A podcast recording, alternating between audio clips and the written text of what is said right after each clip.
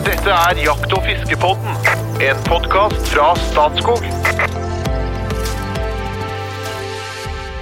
Hjertelig velkommen til en ekstrasending med Jakt- og fiskepodden. Jakt- og fiskepodden det er en eh, podkast som gis ut av Statskog i samarbeid med Norges Jegerfisk. og Den kan du høre hver fredag, men i dag er det et lite unntak.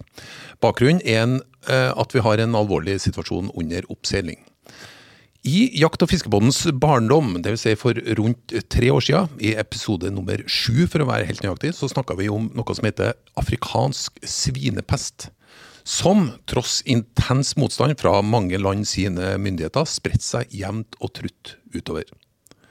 Men avstanden til Norge var egentlig ganske behagelig. Såpass behagelig at uh, veldig mange, ikke minst jegere, var positive til en voksende bestand av uh, villsvin i Norge. Nå er situasjonen brått endra. Den 6. september så ble afrikansk svinepest påvist i Sverige. Avstanden til norskegrensa er rundt 20 mil. Det er omtrent som avstand mellom Oslo og Lillehammer. Eller for å ta en strekning i hjertet av Norge, det er som avstand mellom Trondheim og Namsos.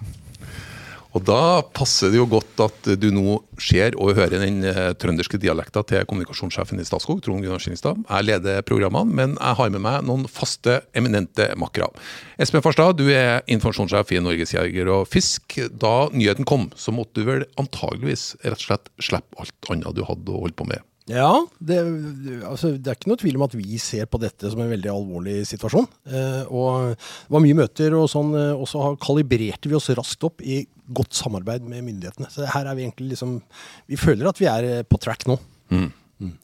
Jo Inge Bresjeberget, du er fagsjef i Statskog. Det var litt mer behagelig forrige gang vi hadde tema på dagsordenen, ikke sant? Det er helt riktig.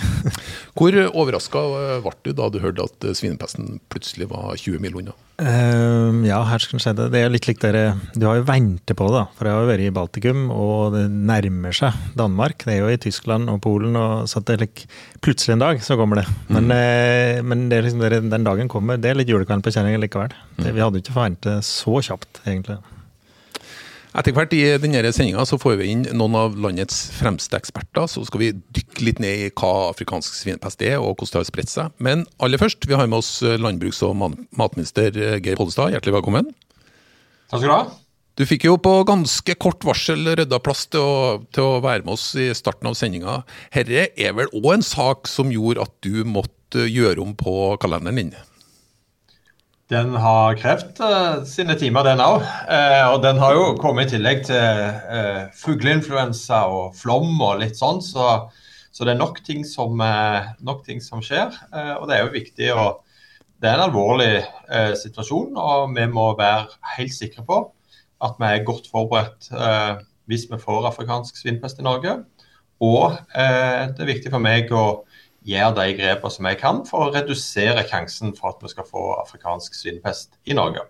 Hvor, eh, skal, det går liksom ikke en skala på det, men hvor alvorlig er det vi nå snakker om?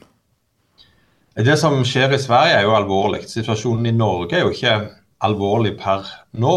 Eh, men det som, som bekymrer meg, er jo at uh, villsvinsbestanden er på vei opp i Norge.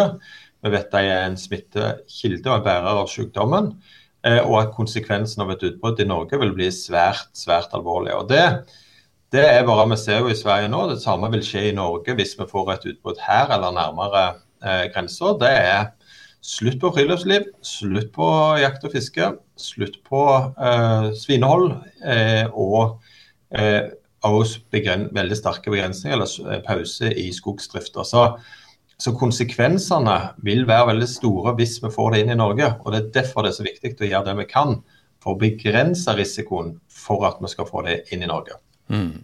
Og I en sånn situasjon, har du tett kontakt med svenske myndigheter? Jeg har eh, snakka med den eh, svenske landsbygdsministeren. Uttrykt både vår bekymring, men òg fått informasjon fra han om hva som hva som er vurderingene i eh, Sverige.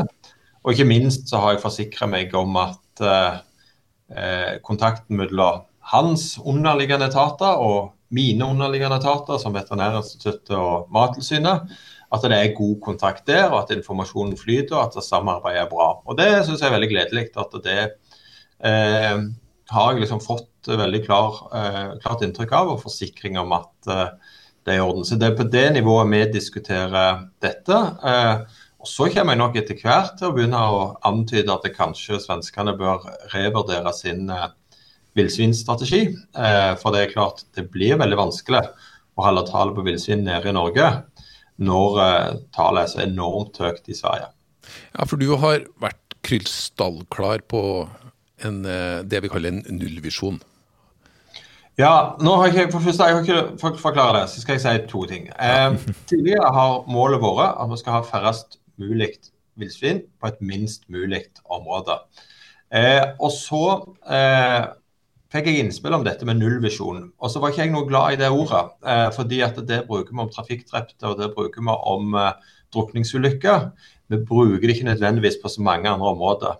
Men eh, en utryddelsesstrategi bør jo også være mulig å forstå hva som er ambisjonen bak. Og Det har to, to effekter når vi sier det. At vi går fra den færrest mulig villsvin på et minst mulig område til en ønske om ikke å ha villsvin i Norge. Så har det innvirkning på to, to områder. Det ene er jo hvilke tiltak har vi som myndigheter for å sette inn. Eh, og nå må vi jo, og det jobbes det med, nye tiltak for å forsterke bekjempelsen av villsvin. Eh, og det andre er jo at det er et veldig tydelig signal ut til private grunneiere og de som driver jakt, at her er det ikke lov eh, inni her og tenke at eh, vi skyter ikke alle dyra, for vi ønsker å ha jakt neste år òg. Og Der opplever jeg òg at det har vært en dreining blant en del av grunneierorganisasjonene. Men jeg hadde et møte med dem og fikk da støtte til en, en hardere linje. og det gikk jeg ut med på vegne av regjeringa. Så jobber vi med oppfølgingen av det nå. Mm. Ja, eh, Espen. Dere, mm. dere ble nok òg ganske raskt kobla inn i saken. For det at eh, ja, Sånn som vi diskuterte sist, så er jo jegerne ganske sentrale både i eh, Det har vært det for så vidt i forflytting av villsvin, men det har også vært det, det er åpenbart eh, helt sentralt når det gjelder regulering av stammen. Mm. Og, men dere har òg vært ja, nå var jeg, nå, ja, Dere har òg vært krystallklar på støtte til, det, til den linja som Pollestad nå har lagt? Ja, det har vi. Eh, så vi har ikke heller brukt ordet nullvisjon, for vi har vel litt den der eh, samme litt sånn vamle følelsen i munnen når vi sier nullvisjon. For det blir litt sånn men altså en, en redusert uh, reduksjon av villsvinsbestanden i Norge, det støtter vi fullt og helt opp om. Og så er vi opptatt av at jegerne fremdeles skal være det viktigste bestandsregulerende virkemidlet her. Uh, og vi kan jo uh, Vi har jo altså 300 000 villsvin omtrent i Sverige. I Norge feller vi ca. 400 villsvin i året. Strategien med å bruke jegerne som en sånn førstelinje opp mot den invasjonen som kom fra Sverige, har med andre ord vært vellykka. Vi har klart å holde færrest mulig vindsvill på minst mulig areal. Nå ønsker man en ytterligere innskjerping på dette? Og, og kanskje å prøve å få ned ytterligere. Eh, og det kan vi for så vidt godt være med på, men det går for oss en liten grense her. Og den går på denne med å skyte sugger med dine unger. Det er, det er liksom utafor jaktetikken vår. For vi vil fremdeles opptre som jegere med eh, jegermessige og jaktmessige virkemidler. Ikke som en, en, faktor som skal utrydde en art i norsk natur. Altså Det, mm. går, det er en nyanse der. Mm. Eh, og det regner jeg med at, har, at, man får forståelse for. Vi, vi er jegere og skal opprettholde jaktas anseelse også, og så skal vi være med i denne bekjempelsen av og etablering av villsvin i Norge. Mm. For Hvis du går enda lenger, eh, Jo Inge, så, så må du inn altså Jeg, jeg ser for meg disse hiuttakene og sånn som er er på en måte en statlig inngripen da, utover det, det som jegerne holder på med. Når du sier hiuttak, så mener du nå hiuttak på jerv? Ja. ja. Mm, mm. Når du går liksom lenger og, og tar ut uh, sugger, som jeg sier da, uh, da er det en, et, en statlig inngripen som må til for å lykkes med utryddelsesstrategien. Ja. ja, eller gjøre om regelverket. Er jo, de er jo per definisjon fredet i dag. Ja. At, jo, men som Espen sier, det, det det er ikke bare et regelverk, det er også ja, noe ja, ja. etisk standard etisk, som ja. Så, så da, da, må det en endring til, da. En, mm. Og ikke minst en holdningsendring heller. Det, og så er det noe jaktteknisk i dette også. Det at tar du ut en, en, sugge, så kan det godt tenkes at du på en måte sprenger en, en struktur som gjør at du, får eh, At du sprenger opp en familiestruktur som egentlig gjør at du bidrar til større spredning. Altså Det er, det er, det er noe sånt òg, Så det er jaktteknisk, da. Men, men det, la oss ikke stupe inn i det. Jeger- og Fiskerforbundet stiller seg bak bak myndighetenes strategi på dette området, og er i god dialog med både Mattilsynet og Veterinærinstituttet, og for så vidt Pollestad på dette. Mm. Og før, eh, Du skal snart haste videre, men, og, og, vi skal dykke litt inn i tiltakene som er iverksatt i Sverige. Men det er jo svære områder som er, som er lukka. Det er litt sånn uh, no go zones. Uh, og det er jo selvfølgelig da, antar jeg, et aktuelt tiltak dersom situasjonen skulle oppstå i Norge. Er du, er du på en måte, Ligger i så fall den beslutninga til deg, eller til din, innenfor ditt myndighetsområde? Det ligger, ja, det stemmer at det ligger under, under meg. og eh, Det er jo Mattilsynet som er eh, operativt her. sånn at mm. Alle disse planene er klar, og vi er klare til å gjøre eh, det samme i Norge som vi har gjort i, i Sverige. Eh, og så kan jo jeg bare gi en respons på det som er sagt nå. at eh, vi kommer til å ta utgangspunkt i at det er jegerne som eh, skal gjøre den primære jobben. Eh, dette med jakt på, på, på diende sugge det har vi ikke tatt stilling til ennå om vi skal åpne for, eller i tilfelle hvordan vi skal, skal gjøre det. Eh, og så hvis en får et utbrudd, eh, så vil en garantert måtte bruke SNO inn i dette. Eh, men jeg tenker at jegerne vil spille en veldig sentral rolle. Men det forutsetter òg at jegere og grunneiere eh, følger opp det som er målet, nemlig at de dyra som kan tas, eh, de skal tas, eh, tas ut. Eh, og Det vil jo da bidra til en, til en utryddelsesstrategi, men, eh, men, jeg tror at eh, det er jo òg for oss å bevare noe som er større og viktigere, nemlig all annen jakt. og Det er mitt utgangspunkt. Mm. Nei, og det er vel sånn som en Espen sa, at holdningsendringa kommer relativt raskt. I den grad noen har vært tilbakeholden, så, så når svinepesten kom så nært, så har det vel kanskje skjedd noe på holdningssida. Nå er det jo sånn at vi spør alle gjester om de driver med jakt og fiske. Så Geir Polstad, driver du med jakt og fiske? Du, jeg er verdens dårligste jeger, og det har jeg i liten grad eh, drevet på med. Eh, jeg eh, er en av og til eh, så driver jeg med litt, eh, litt eh, fiske, litt i sjø, men òg uh, fisker litt laks. Eh, kommer fra en laksefiskefamilie, men har ikke blitt helt bitt av det genet. Jeg tror det er det å sitte med et eh, vann og fiske rødt, det er eh, mi, mi, greie i livet. Eh, der mener jeg at jeg er ganske habil. Ja, ja, ja. ja. Det, det, det, det, er jo faktisk noe av det beste livet har å by på. Men vi har jo noe enkelt å by på. Jeg, jeg det er jo også sånn at det finnes skytebaner rundt omkring. Det finnes skytebaner rundt omkring, og vi har jo vært og hatt konkurranser på skytebane. Jeg kan nevne at eh, det var et overraskende resultat på den siste konkurransen, for den vant jeg. Men eh, hvis det skulle by seg en mulighet, eh, tar du da utfordringa å bli, bli, med oss på skytebanen? På en legebane? Det sier jeg ja til, vet du. Ja, ja, ja. Veldig bra. Nei, men altså, jeg, tusen takk for at du var med her i Jakt- og fiskebonden. Så eh, får du ha lykke til videre med arbeidet. Da skal vi koble inn eh, en eh, som tidligere har vært med i Jakt- og fiskebåten. Det er en fagansvarlig i Veterinærinstituttet, Carl Andreas Grøntvedt. Med en god, han har jo en god kombinasjon av faglig trygghet, lun tilstedeværelse og vakker dialekt. Carl Andreas, hvordan eh, føles det å komme tilbake til jakt- og fiskebondens lune favn? Det føles uh, veldig bra. Det er, du ble ikke skremt? Det er, godt, det er, godt, å være tilbake. Nei, jeg ble ikke skremt forrige gang. og det er, det er ikke, ikke tilfeldig valgt bakgrunnsbilde du har med i dag, eller? Nei, eh, det er ikke det. det blir, de, de, ørene de flagrer litt, sånn at de blir plutselig sånn at de havner som ører på meg. Men det er folk bare bærer over. Men vi, Eh, den situasjonen vi står i nå, den krever at vi har et villsvin eh, på vår offisielle bakgrunn. Ja.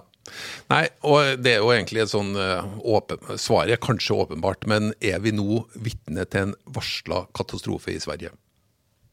Det er, det er vanskelig å svare på, faktisk. fordi at uh, det vi har sett uh, med tanke på denne sykdommen, uh, som vi var inne på også når vi, når vi prata sammen forrige gang, i episode sju, så er det et uforutsigbart element i spredninga her, pga. at viruset er så stabilt i biologisk materiale og ikke-varmebehandla kjøttprodukter. Så vi mennesker kan bringe smitte med oss over lange avstander veldig raskt.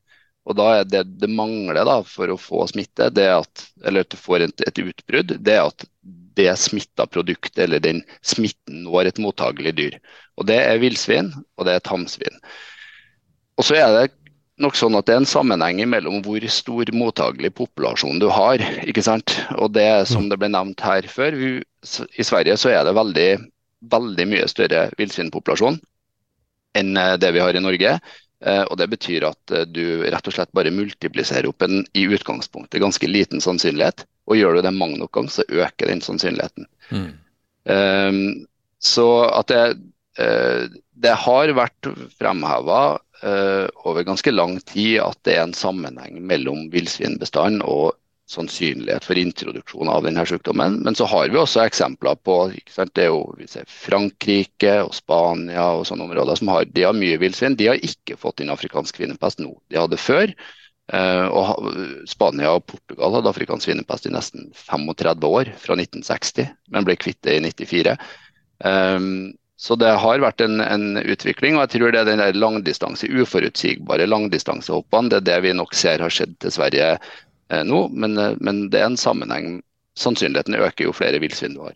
Men kan, men, sånn kan, jeg bare komme med et spørsmål der? For det, det, du sier egentlig er at hvis du kjøper en spekepølse nede i Europa, så kan den være infisert. Og hvis du hiver den ut av bilvinduet når du passerer uh, Sefle på vei hjem, så risikerer du rett og slett å spre afrikansk svinepest. Er det så ille? Ja, nå er det sånn, dette kan Ole Herman eh, Tronerud fra Mattilsynet si mer om. da, eh, Men, men eh, det er jo et regelverk som skal hindre at virus kommer inn i produkter òg.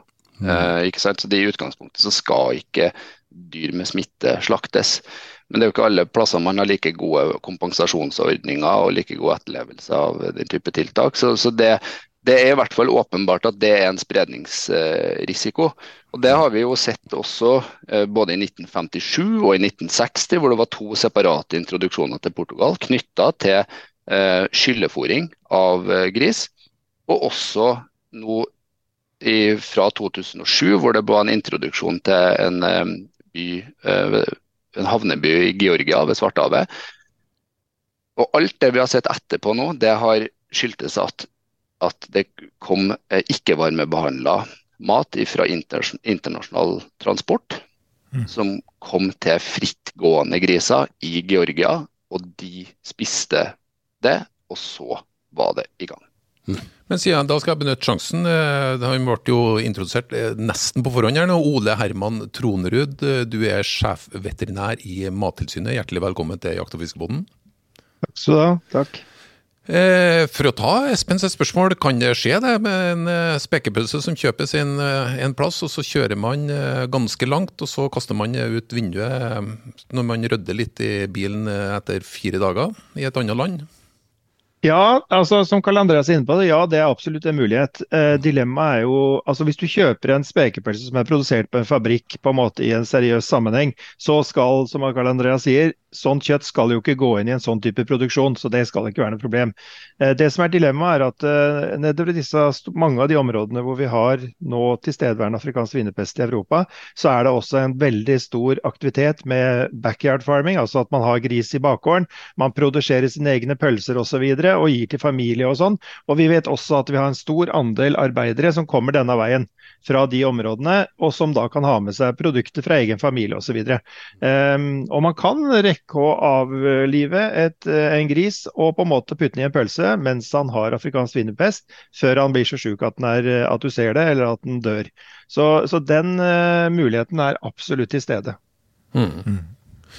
Eh, du bestemte deg jo ganske fort for å takke ja til å stille opp i, i denne sendinga, som vi setter veldig stor pris på. Men grunnen er jo selvfølgelig at uh, den utfordringa vi har fått i det jeg liker å kalle bakgården vår, dvs. Si Sverige, hvis det er lov til å kalle det bakgården vår, da. Eh, den, den utfordringen er stor. Informasjonsbehovet, hvordan vil du si det er i den situasjonen vi står i nå? Ja, Det er jo eh, stort, og det har jo egentlig vært stort helt siden som Karl Andreas er inne på, at vi fikk eh, denne smitten til eh, kan du si, Europa i 2007, og så i 2014 inn i Baltikum. Um, og siden da har jo vi hatt på en måte litt jeg skal ikke si at hatt hjertet i halsen, men vi har jo vært bevisst på risikoen. Fordi vi vet at vi har store mengder med arbeidere som kommer til norsk landbruk fra disse områdene. Mm. Um, så den, eh, den, smitterisikoen som Karl Andreas var inne på, at noen bringer med seg produkt, uh, smitte, den uh, mener vi egentlig har vært like stor siden 2014. Eh, fordi at vi har stor reising. Jeg tror ikke det er så mange som jobber i norsk landbruk som bor i Fagerstad i utgangspunktet, og som sånn sett kan ta med seg noe til Norge. Eh, så risikoen er der, og da må vi få ut informasjon. og vi har jo prøver vi å komme ut i alle de kanaler vi kan, og derfor er vi jo kjempetakknemlige at vi får lov til å være med her også. For å på en måte få satt dette her i den større settingen som det egentlig hører hjemme det er ikke bare et spørsmål om vi skal ha villsvin eller ikke, men, men, det er noe med konsekvensene, samfunnsøkonomiske utfordringene som ligger i det å få afrikansk svinepest inn i et land. Og ikke bare villsvinbestanden, men også risikoen for, eh, for svineproduksjon. Og, og, Får vi det inn i svineproduksjon eller, eller i villsvin, så får det også konsekvenser for eksportnæringa vår. og det, det, får liksom så voldsomt store ringvirkninger. Så det å komme ut med informasjon er kjempeviktig. Problemet er jo på en måte nå alle de som på en måte er viktige å nå. Eh, og I denne sammenheng, eh, når vi er med her, så tenker jeg at det, det å nå jegere som også potensielt reiser utenlands og, og, eh, jakter Jeg har en nabo, han skal nå i oktober til Sverige og jakte villsvin. Og det i et annet område enn, dette, enn Fagerstad, selvfølgelig. Men, men det der å få den bevisstheten da, med hva man på en måte risikerer eh, å ta med seg inn. Og Det mm. føler vi både er viktig å få inn til jegere. Vi henger jo plakater langs eh, rasteplasser på veien inn til Norge, sånn at vi får informert de som kommer reisende på forskjellige språk om at eh, helst ikke kast ting fra deg i naturen osv. Men også vanlige folk som ikke er jegere, men som reiser til utlandet. Du kan reise til Tyrkia, du kan reise til Tunis, mange steder hvor vi drar på normal ferie. Eh, om du drar til Afrika på, på en måte og er med på safari, så tråkker du i områder som har sykdommer som vi ikke har i Norge og ikke har hatt på mange mange tiår, og som er en av grunnene til at vi har den gode dyrehelsa vi har. Så enhver egentlig jo, står jo i den risikoen for å bringe med seg smitte på forskjellige måter inn til Norge ubevisst. Og Det er det vi ønsker å liksom få løfta, den der biosikkerhetsrisikoen da, som vi kaller det, som man står i når man er ute og farter og, og beveger seg rundt i naturen, så er det ting som er til stede som man helst ikke skal ta med seg ut i norsk natur. Mm. Ja, for du, du har jo sånn, sånn som alle er kjent med, f.eks. sånn veggdyr. Det er alle sammen kjent med at du kan ta med deg, ta med deg fra utlandet og inn. Men eh, hvis du går på eh, sjølve viruset her, så har jeg jeg mener jeg har lest at du kan eh, f.eks. fryse et eh, stykke kjøtt og ha det i fryseren i et år og du kan ta det opp, og da er det fortsatt uh, levende virus i kjøttstykket. Eller kan være det. Hvor hardført virus snakker vi egentlig om? Det høres ut som en eh, formidabel motstander. Jeg kan bare si noe kort, så kan Karl Andreas ta detaljene i det, for dette er jo hans område. Men, men det er jo noe av dilemmaet, tenker jeg, i forhold som vi ser i Baltikum. I, I, Afrika, hvor dette viruset på en måte hører hjemme, så har man jo utbrudd, og så dør de ut.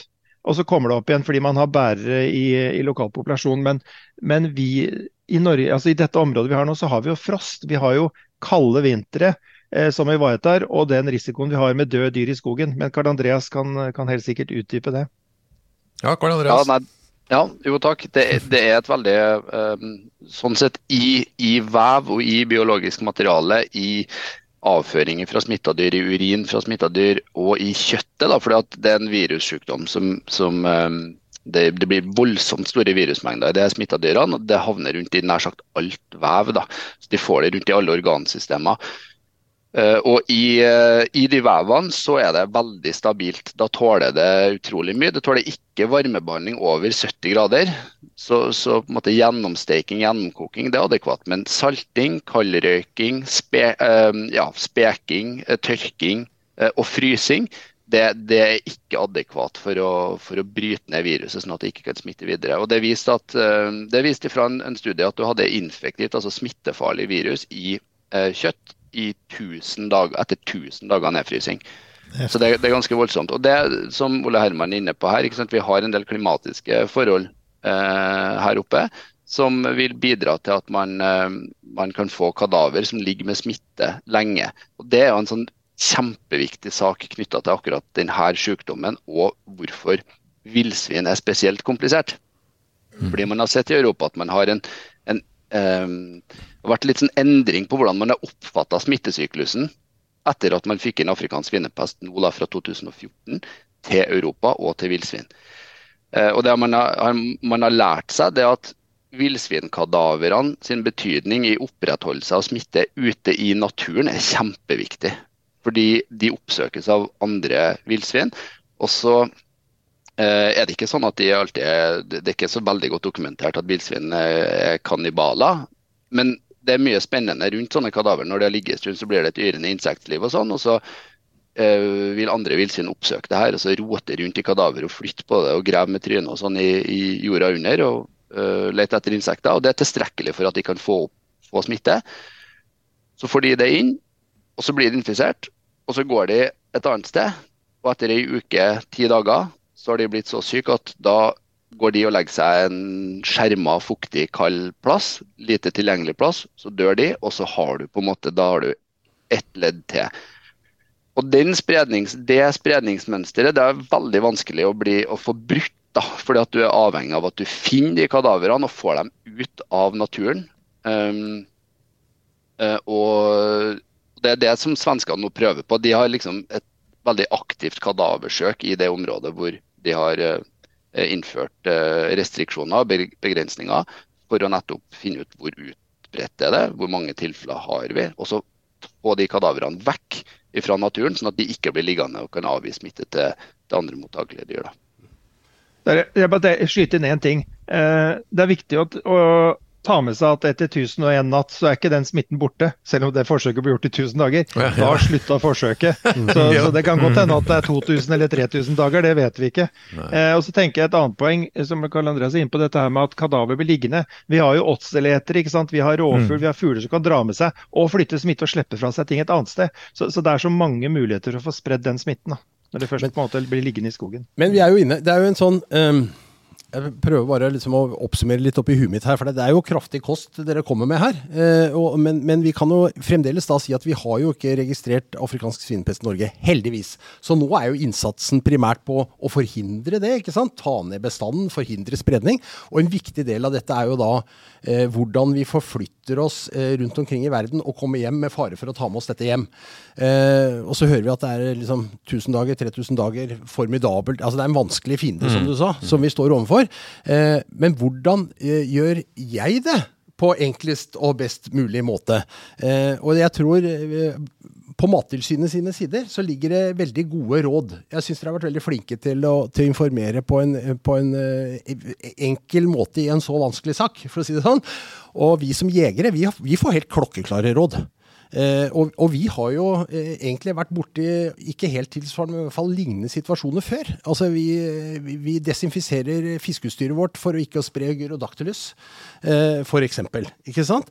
Eh, og det er jo faktisk noe av det samme. Altså Vi bruker Virkon S, som er et middel du da kan få kjøpt for å desinfisere utstyret ditt. Eh, det er ikke så forferdelig omfattende og vanskelig dette er sånn. Eh, vaske klærne dine på 60-70 grader, så tar du jo knekken på dette her. har du ikke vaskemuligheter der du eh, har vært og jakta villsvin, f.eks. utlandet, for det er mange som drar til utlandet for å jakte villsvin, mm. ja, så pakker du det i en plastpose, tar med hjem og putter i vaskemaskina på, på hardeste vask, så har du på en måte gjort, bidratt med ditt da, for å forhindre dette. Så litt for å, Voldsom, alvorlig situasjon dette er sånn. Vi snakker om kanskje nedstenging av, av friluftsliv, jakt og fiske i store arealer. Det er én million mål i Sverige mm. som er stengt ned. Vi, vi, vil jo for all del unngå dette. Eh, og så er det om å gjøre liksom, hvordan, hvordan, gjør vi det da, på, i praksis? Og da syns jeg eh, at Mattilsynet har vært flinke. Og vi i Jeger og Fisk har også på våre sider og sender ut informasjon om det samme. Men for, for ordens skyld, eh, så det høres ut, det høres ut som eh, en pest for eh, ja, Som kan føre til verdens undergang. Men vi snakker om en eh, virussykdom som kun angriper svin. ikke sant? Det er kun tamsvin og villsvin. Men som du sier, Ole Herman, at konsekvensene er langt utover svin. egentlig. For det, det er selvfølgelig veldig store konsekvenser for svinebønder, men, men, konsekvensene blir langt større. Eh, eh, de eh, restriksjonene som ble innført i Sverige eh, Jeg hører da snakk om at det er én million mål som er på en måte stengt av. Eh, og det, og det, kan være et aktuelt tiltak også i Norge. Fortell litt om det tiltaket som ble iverksatt i Sverige. Ja, det, det, er jo et område som ble sperra. Eh, normalt når vi har eh, utbrudd av sykdommer, så jo, er det jo sånn regelverksbegrensning som sier noe om at eh, du skal liksom, det, Vi har en sperresone på en radius på 3 km, og så har vi en observasjonssone på en radius av 10 km. Um, men med eh, hvis dere har sett på den, eh, det området i Sverige som er sperra, så ser jo det veldig snodig ut. Men det er jo så, tror jeg veldig mye på samme måte som vi kommer til å gjøre det i Norge, hvis vi får det inn. Det er å bruke naturlige hinder. Noen steder har vi viltgjerde f.eks., som er et veldig eh, naturlig hinder. Vi kan ha Altså elv viser vi har ingen problemer med å svømme, så det er ikke nødvendigvis noe hinder. Men det kan være et hinder på den måten at det er lettere å observere om Grits flytter seg. da. Altså Du ser om gris kommer svømmende hvis du på en måte har observasjon ute. Det kan også være områder med lokalkunnskap hvor man vet at villsvin er med.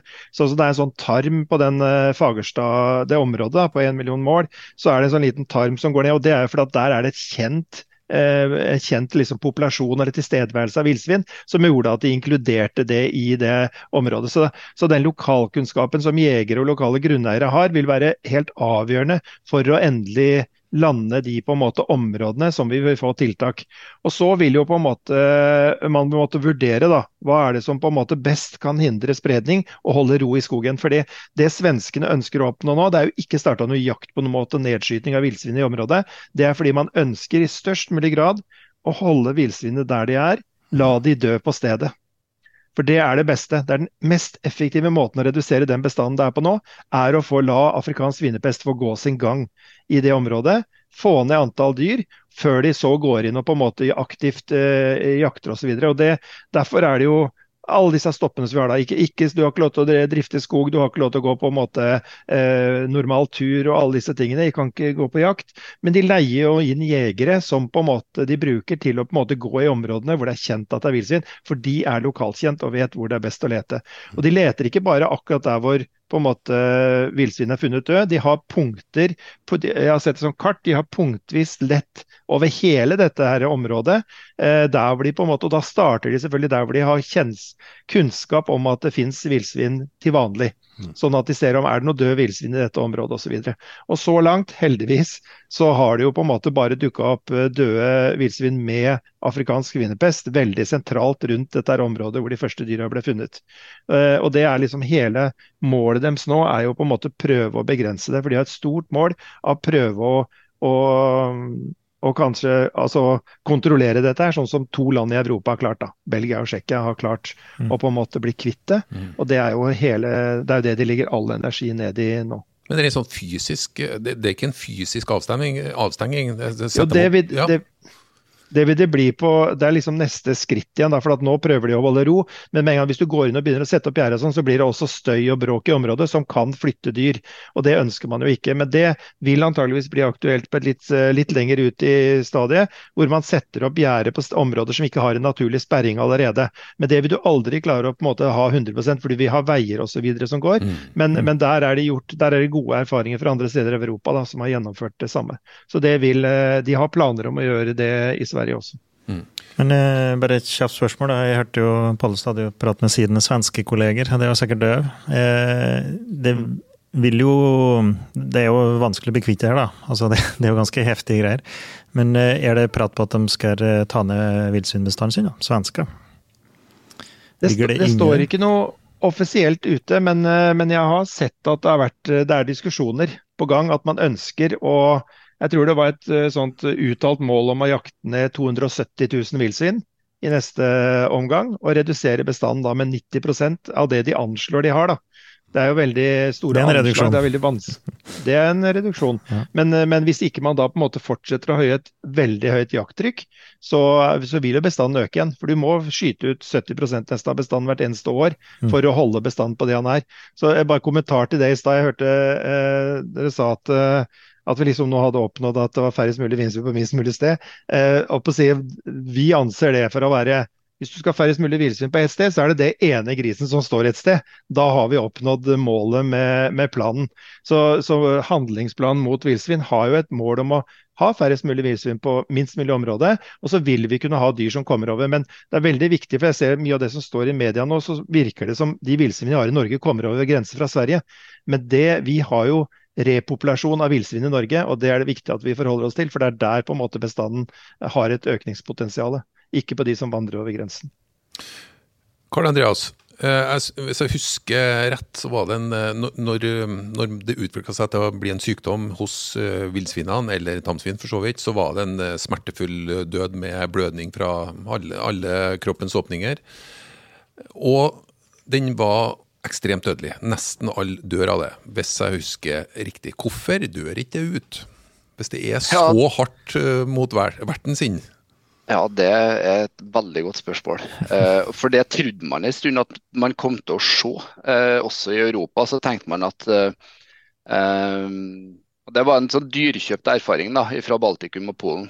For man mm. tenkte at OK, det her er, det er en kjempealvorlig situasjon, men man når på et eller annet nivå så vil det vil de dø ut i så stor grad at, at, det ikke er tilstrekkelig for å opprettholde smitten. Da. At du har for få mottakelige dyr til å opprettholde smitten. For det, Sånn vil det være med mange sykdommer. Men så har man eh, lært seg da, at det skjer ikke med afrikansk kvinnepest og villsvin. Eh, så Man har ikke klart å identifisere en sånn terskelnivå på bestanden som er tilstrekkelig for at det blir borte. Da. Eh, på grunn av at hvis du får villsvindød i ett område, så uh, vil det i etablerte bestander hvor du har villsvin, så vil det være dyr som er klar for å ta over den nisja, altså å, å, å gå inn der. Fordi de har såpass stort reproduksjonspotensial. Eh. De som, ja. de som, overlever, de er òg smittbare, ikke sant? De, bærer, ja, det, de kan bære smitten? Eh, kort periode så kan de det. det det er jo mer sånn av teoretisk betydning når det gjelder den sykdommen her. da, fordi at Man ser at det er 1-2 av, av dyr, når man først har fått smitten etablert i et område, som har antistoffer, altså som har blitt eh, smitta. Og så har immunforsvaret reagert på det, og så har de laga en immunitet. Eh, men det, det, er ikke av noe sånn voldsomt praktisk betydning, rett og slett fordi at de andre 98% da, som fikk smitten, de, de er døde. Så så utfordringa ligger på en måte i virus, virusets egenskaper og det som vi var inne på i stad, at det er så stabilt og at det blir liggende ute. Du klarer liksom ikke å få fjerna alle kadavrene. Eh, og så flytter de litt på seg, og så, så blir det en, en, matressurs eller et område som blir tilgjengelig, som åpner seg fordi at de villsvinene som var der, de er der ikke nå lenger. Så flyttes de inn, eh, så trek, trekker de inn, og så finner de kadavrene, og så har du det på en måte gående. Så, eh, og Det er jo det som har vært spesielt krevende med denne sykdommen på villsvin. fordi når man ser i vanlig sånn tamsvinhold, så eh, har det vært veldig få sånn sekundærutbrudd. Eh, for det første så har det vært veldig få tilfeller hvor, har, hvor man har fått eh, tidlige rapporter fra land fra kommersielle, konvensjonelle svinebesetninger. Det er villsvin, og så er det sånn som Ole Herman var inne på i stad. Det er liksom bakgårdshold av svin og svin som man holder holder på med lavt nivå av smittevern. Det er der man har funnet det først. Og så har man fått sekundærsmitte inn i tamsvinhold, konvensjonelle tamsvinhold. Eh, men de gir i liten grad smitte videre. Så der klarer man å begrense og bekjempe det så lenge man har det i et fjøs. Fordi da har man på en måte kontroll over det. Man kan håndtere kadaverene, man vet hvor smitten er. Det klarer man ikke ute i naturen med villsvin, og det er det som kompliserer det veldig med tanke på kontroll. Mm. Vi, vi snakka jo litt på forhånd om, eh, om, det, om, det, var mulig for Norge å regulere sin egen villsvinstamme ned til null, og dermed unngå at det kom uh, nye dyr. Nå, nå hvis, hvis, det er sånn at det var en bestandsreduksjon på over 90% så er det klart at det vil ha ganske stor betydning. Men vi kom på en annen type forvaltning, nemlig noe vi har diskutert tidligere, mm. mårhundforvaltninga. Mm. Der den norske forvaltninga egentlig håndteres i et annet land. Husker du vi snakka om det? Ja, nei, jeg husker det. og det, for, for, vi, vi, lagde en frontlinje mot mårhund eh, langs Tornioelven omtrent, ikke sant? hvor svenske jegere eh, driver knallhard eh, bekjemping av mårhund, og dermed forhindrer spredning fra Finland over grensen til Sverige og inn i Norge. Mm. Og det har jo vært en vellykket strategi. Det er nok ikke sikkert at det er helt overførbart til denne her, men det er klart at vi følger jo veldig nøye med på hva svenske myndigheter nå tenker rundt en såpass høy populasjon av villsvin som de har i Sverige. For én ting er at vi bekjemper villsvin i Norge, men, men, det er klart det er jo et trøkk fra andre sida av grensen her med 300 000 villsvin i Sverige. De, det er jo mm. derfra de kommer. Mm. Eh, sånn at eh, i tillegg til å liksom ta ned bestanden i Norge, så må vi også holde et øye over mot svenskene. Det, vi har jo aldri en jakt- og fiskepod uten en limerick. Uh, jeg jeg syns nesten det er litt vanskelig, for en limerick er jo litt flåsete. Liksom. Det er jo alvor, dette her. Det, vi har jo en ekstrasending for uh, sorte. Men, men jeg syns at det er, det er et alvor i de store arealene som blir båndlagt. Altså den, den grensen, den sirkusgrensen som man setter rundt et, et, et villsvinområde, er jo formidabelt og som smitteområde med total jaktstopp. Vi risikerer jo dette i Norge også, så det er jo alvor vi snakker om. Men allikevel da en liten, en liten limerick på dette. En forfinet villsvinsjeger bosatt ved svenskegrensen fikk med ett kjenne litt på jaktabstinensen. Det var jaktstopp i Fagerstad som følge av pest. Han skjønte jo det, som jegere flest, men syntes det var svinaktig ergerlig med den store sirkumferensen. Du, du, vi skal snart uh, begynne å bevege oss ned for landing. Uh, da, skal, da har jeg vurdert frem og tilbake om vi ender med en hot or not, og det gjør vi nok i dag òg. Men, men før det. Du var litt inn på det, og uh, Ole Herman var også litt inn på det. Folk flest, jegere spesielt, eh, på hvilken måte kan, kan vi folk flest egentlig bidra til å redusere risikoen for et utbrudd i Norge? Eh, nei, det er jo eh, det som altså For det første så oppfordrer vi alle til å gå inn og få, ta til seg den informasjonen som ligger på nettsidene våre. Der har vi på en måte en del gode råd. Eh, og så tenker jeg at eh, alt, noe som alltid er smart, er å tenke seg gjennom. Hvis det på en måte ikke virker så smart, det du har tenkt å gjøre, så er det like greit å la være. Sånn som f.eks. da å ta med seg en pølse du får tilbudt på en parkeringsplass eller sånn. Um, og så er det dette her med den bevisstheten som, som du var inne på, dette her med å på en måte faktisk tenke at uh, selv om jeg på en måte har vært et sted hvor det ikke For at det er vanskelig å skaffe seg oversikt over hvor det er smittsomme sykdommer i verden. Ikke sant? Når du skal ut og reise, så er det ikke sånn umiddelbart veldig enkelt. Vi har et håp om å på en måte kunne klare å få gjengitt det bedre på våre nye nettsider etter hvert, så at folk enkelt kan gå inn og se ok, er det noe i dette området, så kanskje jeg bør være mer bevisst. For det tenker jeg det er, eh, det er, kjekk, eh, det er kjekt for folk å kunne holde seg informert. Da. Og Det samme gjelder jo egentlig områder i Norge òg. Som, som vi har smitte, så kan det være greit å ok, jeg behøver ikke å gå og se på døde fugler som ligger, villfugler som ligger der, og så gå et annet sted, til, dra til nærmeste fuglefjell og så se åssen det står til med dem. Da har du liksom, eh, da har du liksom skapt den der smittebroen da, som vi prøver å bryte i sånne sammenhenger. Så det å rett og slett være Prøve å være bevisst og prøve å unngå å ta med seg det du ikke er nødt for å ta med deg. Altså, eh, nå om dagen, så, så Jeg tar jo aldri, jeg er mye ute og reiser i jobben min, og jeg tar jo aldri med meg sånn spekepølseprodukter og sånn hjem. Eh, og det, det er bare sunn fornuft, for du, du er aldri sikker. Og så er jeg veldig bevisst på at jeg ikke kaster ting i naturen. Jeg kaster det i arrestavfall der det skal være, eh, og så blir det på en måte eh, håndtert eh, av kommunen. Så, mm, og så vil jeg bare, jeg bare si det, for det, det, har gått noen rykter rundt en sånn søppelfyllingsplass i Fagerstad. Det er flere som har, har nevnt opp, eh, som liksom, for der var det villsvin observert. Og Én ting er at det er villsvin til stede der. Det er en, en ting, men så skal det da faktisk ha skjedd at noen har på en måte hatt med seg smitte, kasta det i en søppelfylli eller pose, som så har blitt mellomlagra der før det blir brent. Så, så, den teoretiske muligheten er jo der. Men eh, det er også et godt eksempel på ting som man nå ikke har på en måte lagt noen begrensninger på, fordi det er med å holde dyr i området. Så, så vær bevisst når man er ute og reiser. Eh, er du på kamelmarked eller sånne ting som er veldig spennende som turist, vær bevisst på at her finnes det sykdommer sannsynligvis, som jeg kan ta med hjem. Og da har vi også regler i forhold til hvis du er ute og reist, hva du skal gjøre når du kommer hjem med en sånn tidsvindu som du helst bør unngå å være i andre dyrehold osv. Hva med skoen, skoen dine, hvis du har med jord på skoen osv.? Ja. Det, det viktigste, måten, viktigste måten å redusere smitte på, er ikke nødvendigvis å stikke dem opp i Virkon. Det er den skuringa og skrubbinga som fjerner alt materialet. Da har du redusert smitten veldig. Og Hvis du da i tillegg, etter at du har gjort det, kan dyppe dem i Virkon S, da har vi på en måte, da har du tatt gode forhåndsregler for å på en måte ikke spre smitte til Norge. Mm. Og du kom jo med et forslag. Det var egentlig en ordentlig vask, vask av klærne. Særlig hvis du er jeger, da. Ja, altså jeg, jeg, jeg, tror faktisk at, at jegerne, altså de som reiser på villsvinjakt, de har jo et hjerte for villsvina på en måte. ikke sant? De, og, og, ikke minst jakta, og skjønner alvoret i dette. Jeg, til dem er ikke jeg så redd. Vi når fram til dem, og de skjønner alvoret i dette og, og kan ta til seg akkurat. For de er jo, de er dedikert, de er engasjert, ikke sant? Ja. Det er egentlig det er mye altså, Ja, sett opp god informasjon på rasteplasser og rundt omkring. Det, det tror jeg er vel så viktig.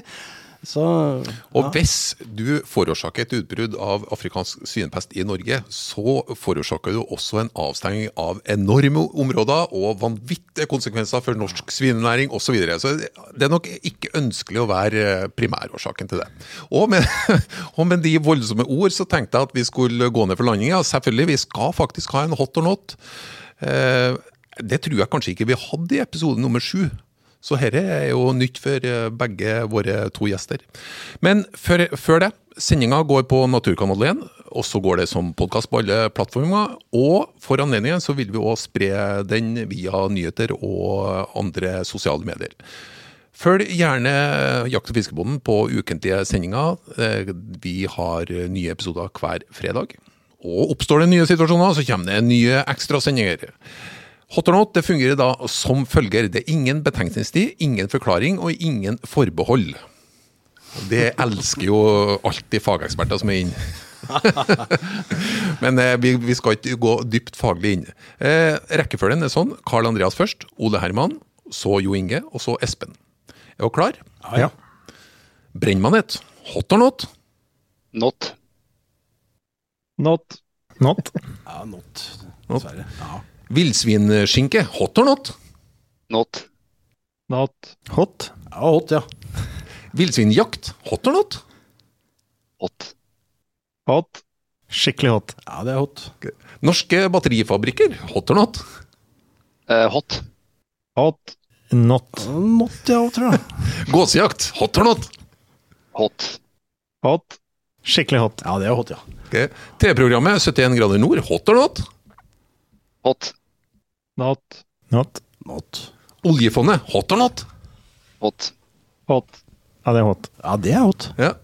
Avslutningsvis så kommer jeg med en liten tekstlinje som er spesialtilpassa dagens episode. Den går uh, sånn. Og han sier 'svin, svin, være fin, lær oss litt stil og disiplin'. Og det er helt riktig, det er fra Terje Tyslands album 'Narra igjen', låta 'Verra fin', hot or not? Og det var et grunnleggende hot fra alle sammen! Takk Hot, hot, hot, for hot. det! Og velkommen til nye sendinger med Jakt- og fiskebåten.